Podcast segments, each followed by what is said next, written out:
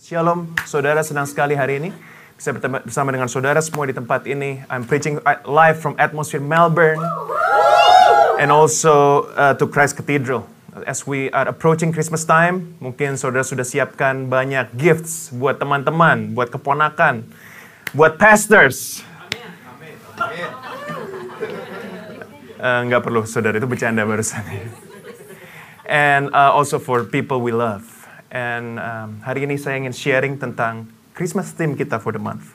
For the whole month kita akan bahas hal ini, yaitu tentang light in the darkness, cahaya di tengah kegelapan. I will try to be, uh, Tuhan berikan saya dua poin di dalam my spirit yang saya akan share hari ini. Dan saya akan coba untuk tidak terlalu terstruktur. Sometimes when we prepare sermon kadang agak sedikit um, tricky karena saya nggak mau terlalu terstruktur seperti di university. Katanya membosankan, pastor, we want something more flowing, spirit filled, oke. Okay. Tapi nggak mau terlalu flowing juga sampai saudara pulang nggak ngerti tadi khotbah apa ya. Tapi semangat. So we wanna be a, a bit of balance, Holy Spirit driven, but also got at least two points that you can take away, oke? Okay? Um, dan remember bahwa Tuhan punya rencana yang terbaik buat kita. So I hope message hari ini akan menegur kita. Nggak cuma menguatkan kita, tapi menegur kita. Pesan hari ini sangat menegur saya secara personal. And we're gonna talk about attitude a lot. Okay, about attitude. Sikap hati. Let me start with this statement. Orang Kristen tidak terlalu punya banyak masalah dengan iman. Karena kalau saudara tanya orang Kristen, teman-teman kita semua, bahkan kanan kiri saudara saat ini, dan kalian akan tanya, apakah kita percaya? Percayalah, semua percaya. Percaya Tuhan bisa sembuhkan, percaya. Percaya Tuhan bisa berkati, percaya. Percaya bisa Tuhan bisa adakan mujizat, percaya. Tapi kalau ditanya sikap hati, orang Kristen banyak bermasalah di dalam sikap hatinya. Sementara menunggu peterobosan. Bahkan setelah Tuhan menjawab doa, sikap hati masih bisa sedikit dipertanyakan. Nah, kita mau lihat hari ini di Lukas 2 ayat 25 sampai 32 yang menjadi pedoman ayat kita for the whole month, sebulan ini. Dan Pastor Dennis di Melbourne juga akan bicara soal hal ini dan beberapa pastor lainnya di Christ Cathedral juga akan membahas hal ini dalam beberapa minggu ke depan. Kita lihat, ini adalah, saya berikan konteks sedikit. Tuhan Yesus masih bayi umur 8 hari, dan zaman dulu 8 hari dibawa ke bait Allah untuk disunat. Puji Tuhan, sekarang tidak perlu 8 hari dibawa ke hospital untuk disunat. Oh, hospital nggak ada zaman dulu. Jadi dulu sunat masih manual, saudara. Dan tidak pakai bius, and it, was a very um, um, holy moment, dan juga satu momen yang signifikan buat orang Yahudi Oke, dan tentunya khawatir lah sebagai orang tua karena things can go wrong, of course. Dan waktu itu uh, Maria dan Yusuf mempersembahkan merpati ke rumah Tuhan karena nggak ada uang buat sapi, kerbau, kambing. There's no money. Merpati itu udah paling sedikit, udah paling the cheapest you can give to the Lord. And I agree with uh, the sharing yang sering kita dengar dalam persembahan. It's not how much you give, but the sacrifice you made. This is all they got. Mereka bawa ke rumah Tuhan. And this is what happened ada di Yerusalem seorang bernama Simeon. Ia seorang yang benar dan saleh yang menantikan penghiburan bagi Israel. Roh Kudus ada di atasnya. Very interesting. Roh Kudus ada di atasnya. Padahal Roh Kudus baru dicurahkan kisah Rasul 1 ayat 8, remember? Tetapi Roh Kudus ada di atasnya. Very interesting. Dan kepadanya telah dikatakan oleh Roh Kudus bahwa ia tidak akan mati sebelum ia melihat Mesias, yaitu dia yang diurapi Tuhan. Ia datang ke bait Allah oleh Roh Kudus ketika Yesus anak itu dibawa masuk oleh orang tuanya, we're talking about this uh, uh, place, sunat itu, ya, untuk melakukan kepadanya apa yang ditentukan hukum Taurat. Baca ayat 28. Ia menyambut ia menyambut anak itu dan menatangnya sambil memuji Allah, katanya, katanya, sekarang Tuhan biarkanlah hambamu ini pergi dalam damai sejahtera sesuai dengan firmanmu, sebab mataku telah melihat keselamatan yang daripadamu, yang telah engkau sediakan di hadapan segala bangsa, yaitu terang yang menjadi pernyataan bagi bangsa-bangsa lain dan menjadi kemuliaan bagi umatmu Israel. Dan saya akan lanjutkan di Yohanes 8 ayat 12. Maka Yesus berkata pula kepada orang banyak katanya, Akulah terang dunia, barang siapa mengikut aku, ia tidak akan berjalan dalam kegelapan, melainkan ia akan mempunyai terang hidup. Satu ayat yang luar biasa yang kita baca, saudara, di mana Tuhan menjanjikan keselamatan tapi yang menarik dari ayat ini, let me give you a bit of context tentang ayat ini. Bahwa bangsa Israel menunggu juru selamat. Dan banyak orang-orang yang mengaku sebagai juru selamat. Right? I'm gonna save you. Jadi kayak Mesias-Mesias yang palsu begitu saudara. Itu itu tidak tidak ditulis di Alkitab karena Maleakhi tidak mencatat itu. Tapi antara 400 sebelum Masehi sampai 0 Masehi itu ada beberapa pahlawan begitu yang oh this is Messiah. And do you know what? Sampai hari ini bangsa Israel masih di rembok, tembok ratapan itu masih berdoa Tuhan kirimkan Mesias. Padahal Mesias sudah datang 2000 tahun lalu di Bethlehem dan menjadi raja kita. Raja yang sesungguhnya sudah menyelamatkan kita dari dosa. Tapi mereka nggak mau. Mereka mencari Mesias yang menyelamatkan mereka dari penjajahan bangsa Romawi. Sudah terlalu lama dijajah. Babilonia, Persia, Yunani dan Romawi sehingga mereka menantikan figur yang luar biasa yang dinantikan adalah dari Yerusalem. Maka itu waktu Tuhan Yesus lahir di Bethlehem aneh karena nggak masuk akal. Karena mereka mau sesuatu yang besar, sesuatu yang hebat, sesuatu yang luar biasa. Maka itu Tuhan memilih Simeon.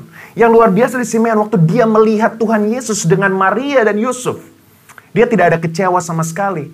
Dan dia tidak akan berkata, kok begini Mesias? Kok begini Mesias?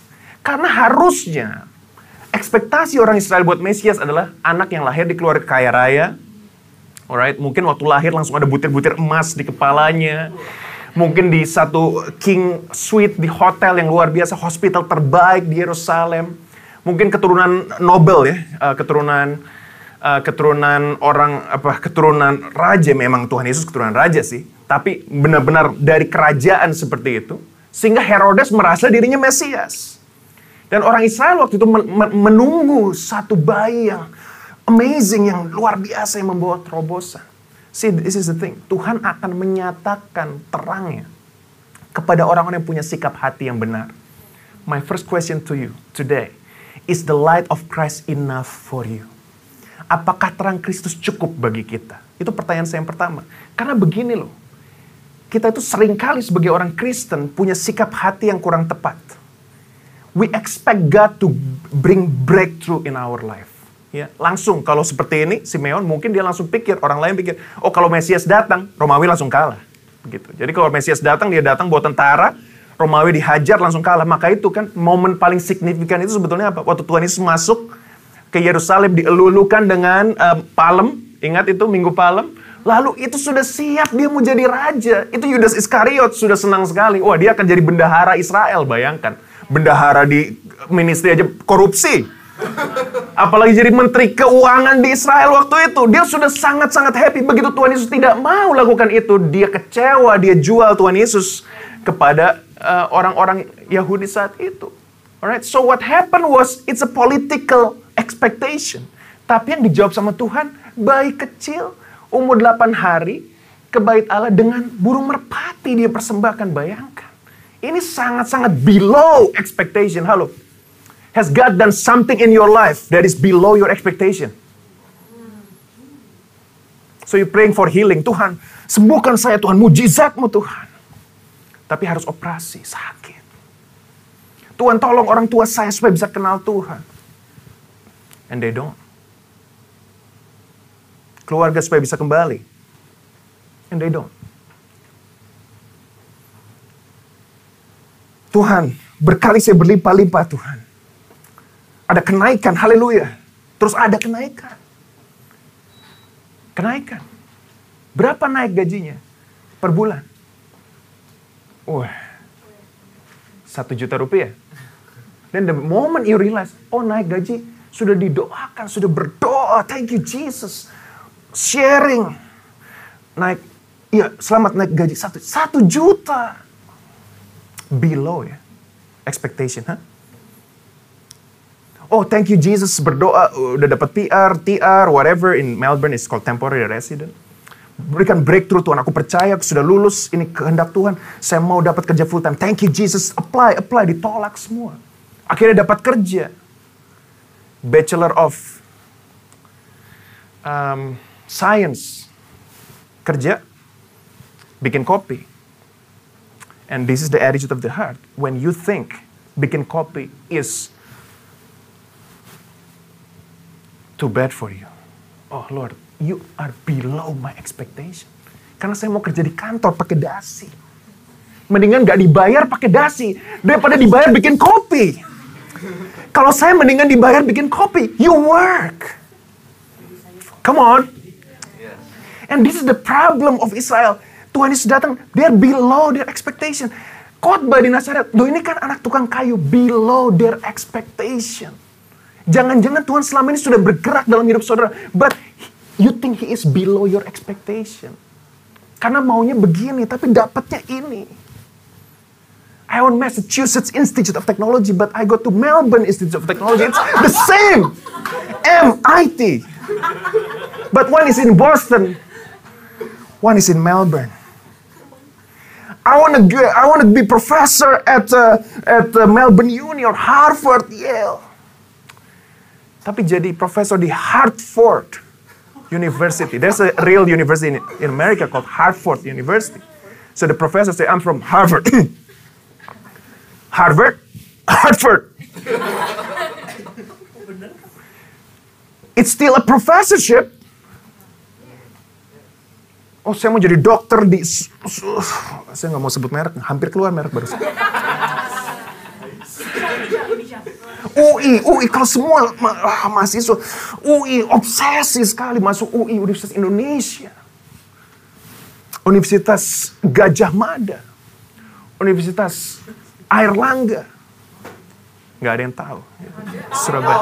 The best in Surabaya. Kota pahlawan. Tercinta. Haleluya. Thank you Jesus. Begitu masuknya. Brawijaya. Diponegoro. You're, oh Lord, I don't want this God. Because I expect you to do a breakthrough in my life, but you just do a small thing. Oh, Zakaria 4 ayat 10. Do not despise these small beginnings. Come on. For the Lord rejoices to see the work begin. For the Lord rejoices to see the work begin. Mendingan kerja tukang kayu daripada nggak kerja sama sekali. I'm, I'm proud that my Jesus is a carpenter. Kerja keras. Yusuf, by the way, papinya meninggal sekitar umur dia waktu umur 12 tahun. Come on.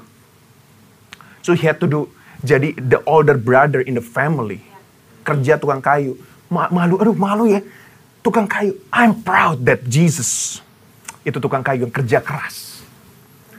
Saya yakin ototnya nggak kalah sama Pastor Dennis di Melbourne. Cause he work every day untuk cari uang buat keluarganya.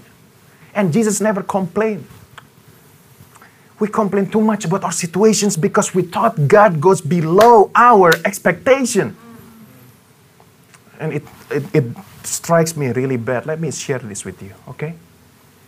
Because um, I've been praying, Lord Jesus, saya mau 25 Desember, main sanctuary di Christ Cathedral, komplit, dan saya mau semua 6.000, 7.000 orang datang ke dua ibadah. We're gonna do a amazing Christmas service.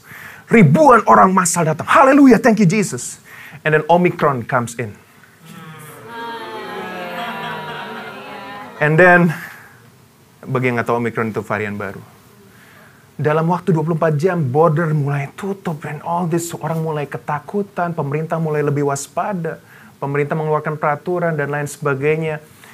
And my hope for the megah 25 Desember semua angkat tangan sampai nggak muat kursinya.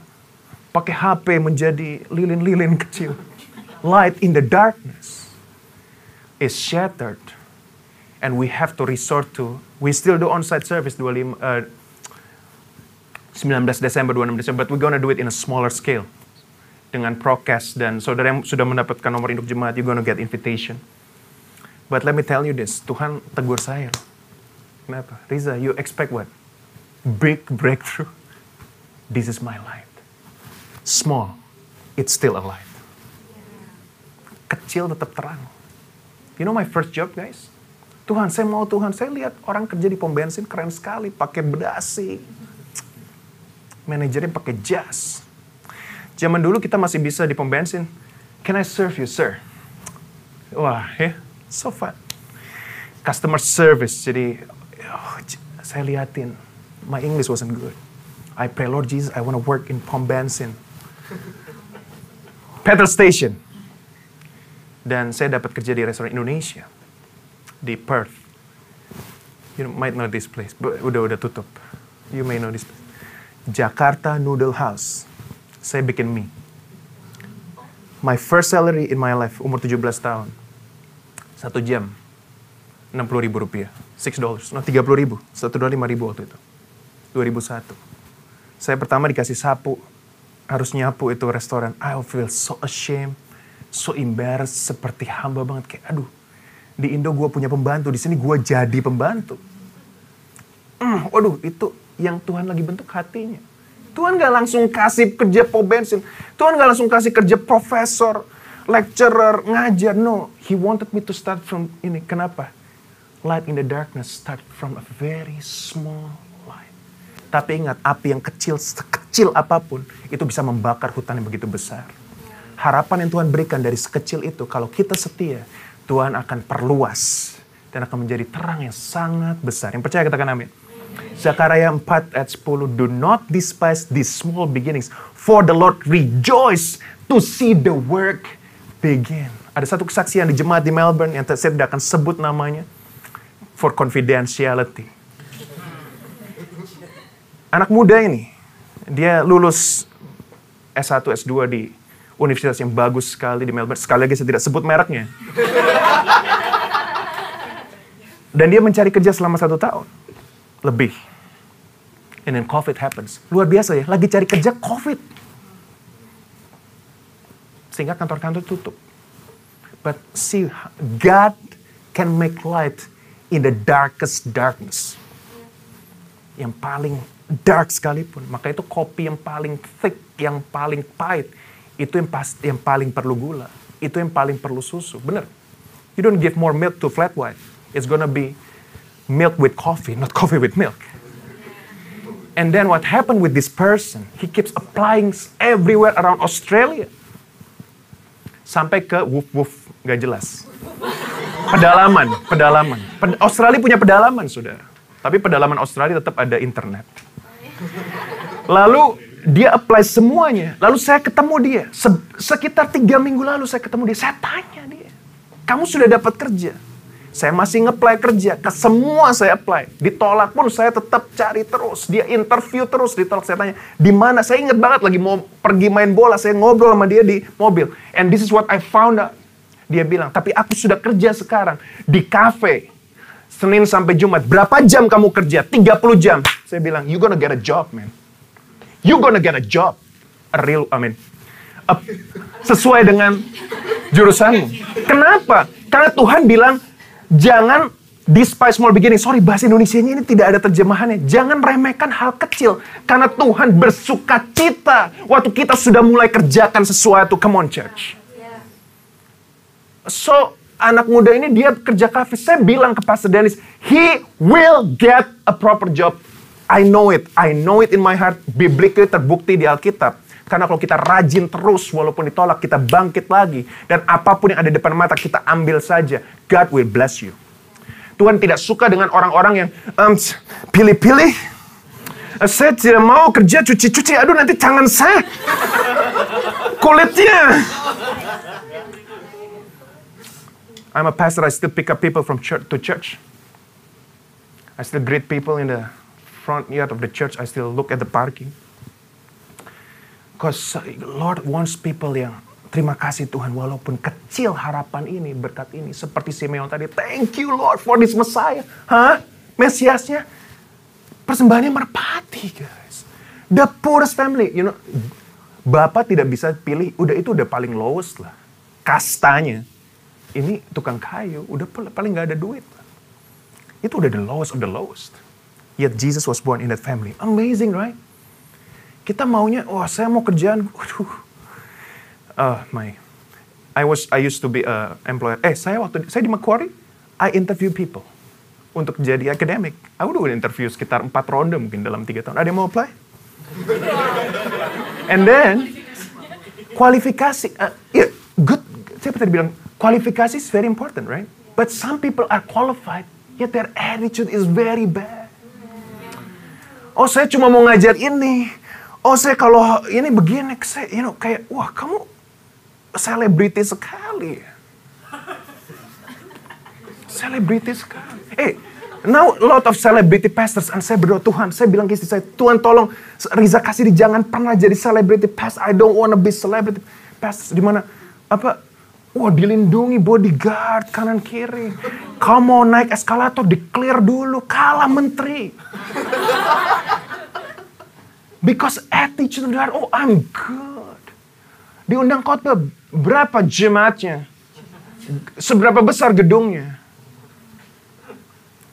And I just want to be very honest to you, right? Every time orang undang khotbah saya, saya tidak pernah tanya berapa orangnya. I don't even ask about, eh, okay, if I'm available, I will do it. Attitude of the heart, come on. Very important. Kenapa Simeon yang dipilih? Karena orang lain. Kalau lihat Tuhan Yesus, firman Tuhan berkata, berbahagialah orang yang tidak menjadi kecewa dan menolak aku. Gaji naik satu juta, kecewa. Yang yang doa minta naik gaji siapa? Sampean. Tapi Tuhan sudah kasih satu juta. It's not enough, Lord. I want sepuluh juta. If you're not happy with small increase, God's never gonna give you big increase. And I was excellent in bikin mie. You have to try my noodle. Sangat diurapi. Cari full time, dapatnya kafe, malu, nggak ngomong. Ngomong, bilang dong. Eh saya bangga dengan anak-anak muda di atmosfer Jakarta juga. Kerja di Starbucks, sebut merek nggak apa-apa. Kerja di McDonald, bagus. Saya kalau cari, saya kalau punya anak perempuan, cari menantu anak laki-laki, of course. Of course. Saya akan cari orang yang kerja keras, bukan orang yang kaya. Orang kaya nggak kerja keras bisa jadi miskin. Orang miskin kerja keras bisa jadi kaya. Tuhan memberkati orang yang kerja keras. Come on.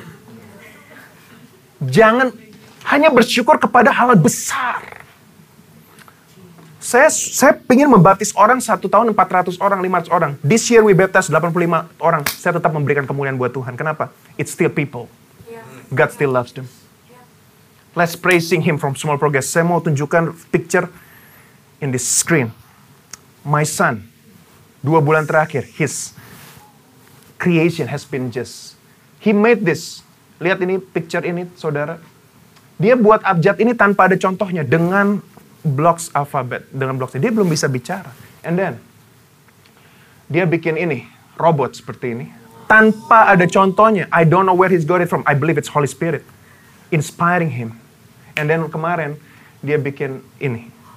Tanpa ada contohnya. I am so amazed with the progress that he has made. Dan saya nggak malu untuk bilang dia lima tahun dan belum bisa bicara. Saya nggak malu. Kenapa? Karena saya memuji Tuhan setiap ada progres sekecil apa pun. Thank you Jesus for the light in the darkness. No matter how small the light is, I give you thanks Lord Jesus. Thank you, thank you, thank you God. Kita terlalu biasa dengan hingar-bingar kan terang harus wah gitu. Kok aku dapat scholarship di Yale? Cabang Sidoarjo. No. So if you aduh scholarshipnya di uni yang kecil, malu. Say it in the mountain. Ngomong, share. Tidak ada orang yang menyalakan lampu dan menaruhnya di bawah kasur. When you are blessed and you got the light of the Lord, you have to show it to other people. Makanya itu poin saya yang kedua. Yang pertama tadi, what kind of light? It's the light of Christ enough for you. Dan harus punya attitude. Yes, Christ is enough for me. Thank you Jesus buat kenaikan gaji walaupun itu cuma satu juta. I love you. Thank you so much. Thank you Jesus. Thank you Tuhan papiku bukan berhenti merokok, tapi berkurang merokoknya dari satu pak sehari, sekarang satu pak satu minggu. Thank you Jesus, thank you. It is still a progress. A progress is better than nothing. Saya sudah nge-gym dua minggu, tiga minggu. Minggu ini saya nge-gym enam kali sehari. Enam kali seminggu. No, no. Lalu, saya nimbang. Saya nimbang berat. When I was in, in my 20s, so easy for me to get rid of my fat. Easy sekali. Tiga minggu, empat minggu seles, turun tiga kilo, easy, the fat. Oke, sekarang susah sekali. Sudah tiga minggu saya, dan saya hanya berkurang 500 gram, 0,5 kilo. But you know, this morning I praise God. Thank you Jesus for 0.5 kilo. Karena better lose 0.5 fat selama tiga minggu. What happened in 30 weeks? You gonna lose 5 kilograms. Kita sering kali melihat, oh nggak turun, udah deh nggak usah, nggak apa-apa, udah order pizza aja tambah stres. Iya benar. So, kalian belajar, belajar. Oh belajar dapatnya kredit. Udah nih mending nggak usah belajar. It's wrong. It's wrong. Hey, Lord, I given my best. Saya udah kasih yang terbaik, tapi segini dapatnya. Justru kasih yang terbaik, even more. Even more. Now, my second question to you is this.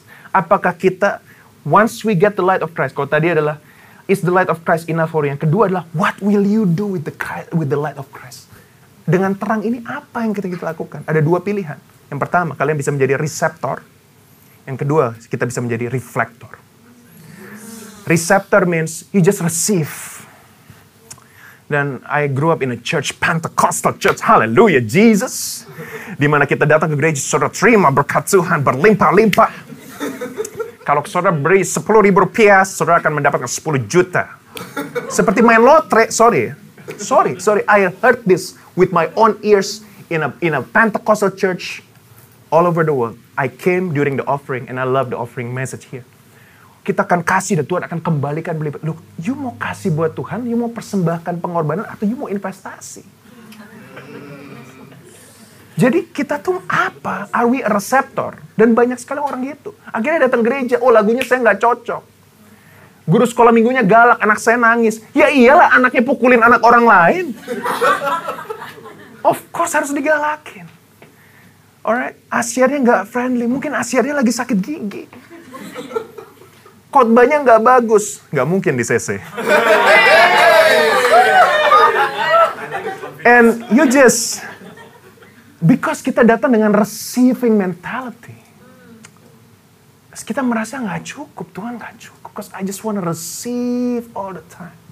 Receive all the time. Come on, 2 Korintus 3, 18. Dan kita semua mencerminkan kemuliaan Tuhan dengan muka yang tidak berselubung. Mencerminkan, bukan menerima. Come on.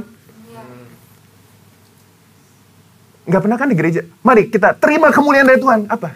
Berikan kemuliaan pada Tuhan, right? But we won't receive. But we want more. Yes, ada satu gereja di satu negara.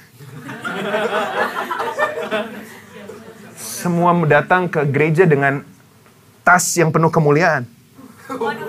Sehingga kalau ada orang yang dengan tas yang tidak penuh kemuliaan, orang ini merasa minder. Aduh, nggak saja nggak ke gereja lagi. Tapi it's okay karena culture kita harus menerima kemuliaan Tuhan. No, no, no. Kita harus mencerminkan kemuliaan Tuhan. Kata aslinya, kato trizomai, behold as a glass. Memantulkan, mantul. Seperti bulan memantulkan sinar matahari. Bulan tuh nggak punya kekuatan sendiri. Tanpa matahari dia nggak akan kelihatan. Maka itu anak Kristen yang udah, wah, ada salesman hebat di Singapura. Pastor, I wonder sometimes, Pastor saya ini bisa jadi salesman hebat itu karena urapan Tuhan atau karena memang saya hebat ya? Pastornya bilang, kita coba dalam sebulan ke depan, saya minta semua urapan dalam kehidupanmu diambil oleh Tuhan.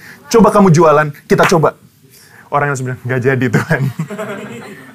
Because all that we can do is a reflection of God's glory. So let's choose this Christmas untuk menjadi reflektor. Gimana caranya reflektor? Apa yang Tuhan sudah berikan buat kita, mari kita salurkan kepada orang-orang lain salurkan pengharapan. You know, with your social media now, you can share really great message. Okay? And you can just invite people to church this Sunday, uh, next Sunday, uh, Christmas time. Ini ini ke, ini satu kesempatan. Ada ke teman-teman semua, saudara, banyak kerabat kita, keluarga kita, teman kita yang belum pernah dengar tentang Tuhan Yesus. Adakan kesempatan Natal ini is the best moment. Even non-believers bisa buka hati buka telinga untuk dengar. And this is what I want you to do, jemaat Tuhan, everywhere, in Melbourne dan juga di Indonesia. You do this. Invite one person to see the online service of your church or to come to church this Christmas. Satu orang saja. You pray for the person, doakan, invite. Kalau sudah invite tidak mau, you've done your part. But you will never know if you never do anything. Reflector meant to do the work, to reflect God's glory. I, when I was in Perth, I used to pick up people to church. Empat orang. Satu luntur. Gak mau lagi ke gerejamu. Oke. Okay. Satu pindah gereja, that's okay. But two got baptized. If I never do the work, they will never be saved maybe. Don't wait until the best moment to be a reflector. You do a reflector of God's glory every single day. Matius 5 ayat 14 16. Kamu adalah terang dunia, kota yang terletak di atas gunung, gak mungkin tersembunyi. Lagi pula orang tidak menyalakan lampu lalu letakkan di bawah kasur, melainkan di atas kaki dia sehingga menerangi semua orang. Di dalam rumah itu aku berdoa supaya saudara dan saya, Natal ini menjadi terang bagi semua orang. Be a reflector of God's glory. Be a reflector of God's glory. Penerima berfokus pada berapa banyak berkat dan terobosan yang akan saya alami bersama dengan Tuhan di Natal ini. Pemantul berfokus pada berapa banyak berkat yang saya bisa salurkan kepada orang lain. Berapa banyak terobosan yang saya bisa kerjakan bagi orang lain. LinkedIn, anyone on LinkedIn, itu sangat berfokus kepada self glory. Tapi humble bragging. I am so humbled to be chosen as the accountant of the year. Hallelujah. All glory to me. Thank you, Jesus. Saya datang ke rumah satu orang, dia masak. Belum makan masakannya, dia udah bilang, I'm a very good chef. Wow, oke. Okay. Thank you for your humility. Sangat pede. Tapi saya lagi coba di LinkedIn untuk glorify my colleagues. Jadi teman-teman saya yang dapat promosi, and I didn't apply. I wrote a post congratulating them. Aku bilang, wow, well done to my colleagues in the Department of Marketing at Macquarie Business School yang dapat promosi. You guys are amazing. You guys are so great. Well done to you all. And people bingung, lu ngapain promosi orang lain? That's the entire purpose of Reflector, is to build other people. Not to build yourself. Let God build you and you build other people. Focus on others. Amen. Tapi saya sendiri masih kering. No, no, no, no, no, no, no. When you decided saya memilih untuk menjadi pemantu terang Tuhan, God will enable you to do that. Tuhan akan perlengkapi kita. Tuhan akan berikan kita terobosan. Dan saya berdoa, saudara semua mengalami terobosan Tuhan Natal ini. Mulai dari yang paling kecil, even if your parents can go to church sekali aja buat saya. Terima kasih Tuhan, itu terobosan. Amin. Your parents belum balikan, tapi sudah baikan. It's good enough. Your grades nilai saudara dari C ke B, thank you Jesus. Jangan tunggu ke A baru kesaksian. Nanti Tuhan Yesus keburu datang. Amit-amit jangan. Saya saya akan kesaksian. You know what I will do? Saya udah memutuskan sih. Saya mau menyaksikan kebaikan Tuhan setiap hari. Saya mau putuskan itu. Saya bilang, saya mau menyaksikan kebaikan Tuhan setiap hari. Mau se, se, seminim apa pun kebaikan Tuhan itu, saya akan saksikan. Contohnya, kemarin, malam. Kemarin siang, saya tidur. Habis makan banyak sekali. Makanan Chinese, saya tidur. Dan Tuhan tahu, saya lagi mau lose my fat. Tuhan tahu, karena untuk Natal, saya harus terlihat prima. Lalu Tuhan tahu bisa ada orang WhatsApp saya. Hey pastor, you wanna play soccer dengan beberapa ada gereja cukup besar di sini gereja um, Australian church. I say, you guys are so good. I'm I'm I'm not good. Bilang, are you sure I can join? Anyone can join. Wah, penuh kasih karunia ini gereja. Semua bisa main. Oke. Okay. Terus istri bilang ngajak kita makan Japanese buffet aja. Hah? Saya bilang saya saya siang sudah makan Chinese banyak. Malam istri saya bilang, ayo makan Japanese buffet. Terus saya ada dua pilihan. Saya makan tambah kalori, buang uang. Saya main bola, buang kalori, tambah uang nggak tambah uang sih. Buang kalori. And then I, I told my wife, hey, tadi kita sudah makan Chinese banyak sekali. Itu kolesterol sudah I think it's better buffetnya minggu depan aja. Terus dia setuju. Untungnya, puji Tuhan, thank you Jesus. Dan saya pergi ke soccer, I had a great time. Saya pulang, saya lihat Fitbit saya. Saya burn 750 calories. When the soccer match. Dan I thank God. Itu kesaksian kecil. Mungkin buat ah, apa sih pastor? Nggak ada, nggak ada. No. I thank God dia tahu keperluan saya. Dan even small blessing like that, I decided to just thank God. Thank you Jesus. Dan timbang berat badan uh, hari ini tidak turun. Terima kasih Tuhan. Gak apa-apa. Gak apa-apa. It's okay. That's fine. That's totally fine. Kita punya mentalitas harus berubah dari praising God for the big breakthrough, big light, terang yang besar. Tapi dari terang kecil, lilin pun kita harus bersyukur. Terima kasih Tuhan. Terima kasih Tuhan. Ganti lagu. Mari berdiri bersama-sama. Mari berdiri bersama-sama. Bukan. Itu main di mana?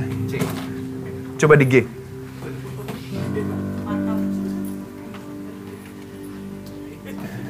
Thank you, Jesus. Jesus. Jesus. Thank you, Jesus. It's only by your grace that I could live today. Forever I will praise your name. Thank you, Jesus.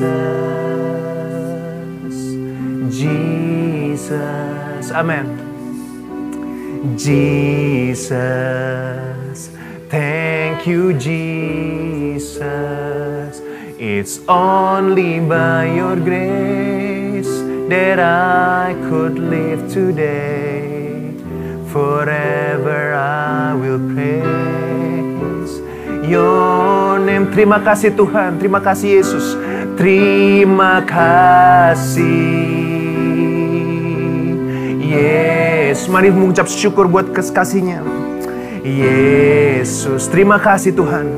Terima kasih karena anugerahmu, karena anugerahmu buat hidupku sekarang. Ku kan memujimu selamanya. Katakan terima kasih Yesus, terima kasih. Yesus. Haleluya. Terima kasih Tuhan. Mari bersyukur kepadanya. Terima kasih karena anugerahmu, karena anugerahmu buat hidupku. Hidupku sekarang ku kan memujimu. Selamat mari sembah dia Bersyukur terima kasih Tuhan. Engkau baik Terima kasih Tuhan. Kau sungguh baik bagi kami. Kirala maya syakarala barabase. Engkau sungguh luar biasa Tuhan. Oh Tuhan. Haleluya terima kasih Tuhan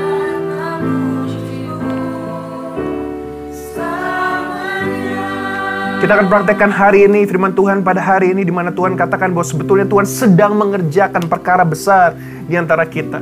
Tapi dia mau kita mulai punya attitude yang benar. Di mana kita memuji dia, menyembah dia, bersyukur buat segala kebaikannya, bahkan sekecil apa pun. Maka kita mau ambil satu dua menit ke depan. Kita mau katakan pada Tuhan, terima kasih, terima kasih. Kita mau bersyukur. Uh, find ways, find reasons untuk bersyukur dan berterima kasih. Mari, kita mau sembah dia, kita mau bersyukur. Gunakan satu dua menit ini. Dan saya percaya Tuhan berikan terobosan dalam kehidupan kita. Terima kasih Bapak buat progres yang kecil. Terima kasih Bapak buat pertumbuhan. Terima kasih buat berkatmu. Terima kasih buat uh, pekerjaan Tuhan. Terima kasih buat keluarga. Terima kasih buat gerejaku. Terima kasih buat komunitasku. Terima kasih buat part-time job ini Tuhan. Tuhan. Terima kasih buat full time job coming. Terima kasih buat keluargaku Tuhan. Terima kasih buat papa mamaku Tuhan. Terima kasih buat anakku. Terima kasih buat adikku. Terima kasih Bapa. Engkau sungguh baik. Engkau sangat baik. Kami mengagumi kebaikanmu Tuhan. Oh, betapa besar kasihmu Tuhan. For God is so good. His faithfulness. Haleluya. Haleluya. His goodness endures. Terima kasih Bapa. Kau sungguh luar biasa. Thank you Jesus. Thank you Lord, thank you Lord. Saya memberi kesempatan pada hari ini, di tempat ini, di Melbourne, dan juga di Jakarta, uh, online, atau di Indonesia, di mana pun teman-teman berada. Uh, everybody can you close your eyes, tutup matamu. Adakah teman-teman di sini yang belum pernah menerima Tuhan Yesus sebagai Tuhan dan Juru Selamat dalam hidupmu? Mungkin kau grew up as a Christian, atau you come with your friends to church, tapi teman-teman tidak pernah, saudara tidak pernah menerima dia sebagai Tuhan dan Juru Selamat dalam hidupmu. Kalau itu saudara angkat tangan di tempat dalam hitungan ketiga, dan saya akan berdoa buat saudara online or onsite. In Jesus name, hitungan ketiga angkat tangan di tempat, semua mata tertutup. Satu, Tuhan Yesus mengasihimu. Dua, dia mati bagimu. Dan dia mau engkau hidup bagi dia. Mau engkau menerima dia. Kalau engkau mau, angkat tangan di tempat satu, dua, tiga. Thank you, God bless you online. In Jesus name, thank you. God bless you on site. In Jesus name, thank you. Lord Jesus, aku berdoa buat setiap tangan yang terangkat semuanya. Tirukan doa ini bersama dengan saya. Tuhan Yesus, hari ini aku menerima engkau sebagai Tuhan dan Juru Selamat dalam hidupku. Jadilah Raja atas hidupku. Ibu tidak akan sama lagi. Karena Tuhan Yesus ada dalamku selamanya kau Tuhanku, selamanya kau Rajaku. Di dalam nama Tuhan Yesus, aku berdoa haleluya, amin. Kau sudah-sudah berdoa dan kita ucapkan bersama tadi, Selamat datang di keluarga Tuhan. Gereja menyediakan resources untuk kita bisa bertumbuh dalam pengenalan akan Tuhan. So please download resources on your screen or connect your pastors so we can help you to grow and know who Jesus is. And we will end this service dengan menerima berkat Tuhan. Mari angkat tanganmu, terimalah berkat Tuhan. Kiranya berkat rahmat dari Allah Bapa, kasih karunia putra tunggal Allah Tuhan Yesus Kristus, persekutuan daripada rohnya yang kudus menyertai kehidupan kita semua. Sehingga kita bisa menjadi reflektor of God's glory, live reflector of God's light. Bukan cuma penerima, tapi memantulkan, mencerminkan terang Tuhan yang begitu luar biasa kepada orang-orang di sekitar kita. Kami terima berkatmu Tuhan di dalam nama Tuhan Yesus Kristus. Amin. Sudah sebelum kita akhiri, very important announcement in Melbourne and also in Jakarta. Our church is holding helping hands. Dan ada beberapa cara kita bisa terlibat di helping hands. Here in Melbourne and also in Indonesia. And saya bacakan is a very important uh, announcement. Okay, if you are in Indonesia, uh, we or here ada tiga cara kita bisa terlibat dalam membagikan terang Kristus kepada orang sekitar kita. Yang pertama dengan sembako. Saya di Melbourne, tapi saya bisa donate sembako. You know, my cousin, my assistant in Jakarta bisa beli sembako, kirimkan ke pos 2 di Christ Cathedral. Baju bekas layak pakai, jangan baju yang sudah bolong-bolong. Baju yang kalau bolongnya memang jeans ada yang bolong dan kondisi bagus, it's okay, itu memang tren. Tapi jangan baju yang sudah compang-camping, baju yang sudah bajunya harus layak pakai, please, shoes and everything bring to pos 2 selama bulan Desember ini terbuka. Just bring it there, drop it off. God loves you kan kita akan salurkan kepada orang-orang. Dan yang ketiga financial on your screen right now. And in Melbourne you can see you can uh, do it through the church account. Tapi on your screen right now uh, ada ada QR code dan bank account details yang yang sesuai khusus untuk helping hands. So please scan the QR code You can give right now. Jangan tunggu lagi kita kita dipanggil untuk menjadi terang Kristus, bukan hanya untuk menerima terang Kristus, tapi untuk merefleksikan terang itu kepada orang sekitar kita. So make this month a month of giving where we just help people around us. Dan saudara kita akan ketemu lagi minggu depan dilayani oleh Atmosphere Teens. And it's so good to see the teens involved. Tadi kids kita sudah lihat dan teens gonna be involved in serving. And juga nanti Atmosphere Melbourne akan melayani tanggal 19 Desember. So it's amazing opportunity we can just see Atmosphere Teens, Atmosphere Kids, Atmosphere Melbourne. Everybody serving together. So if you haven't subscribed, please subscribe to our YouTube channel, follow us on social media supaya tidak pernah ketinggalan berita penting yang disediakan oleh gereja. So thank you so much for tuning in and also on site. God bless you. I'll see you next time.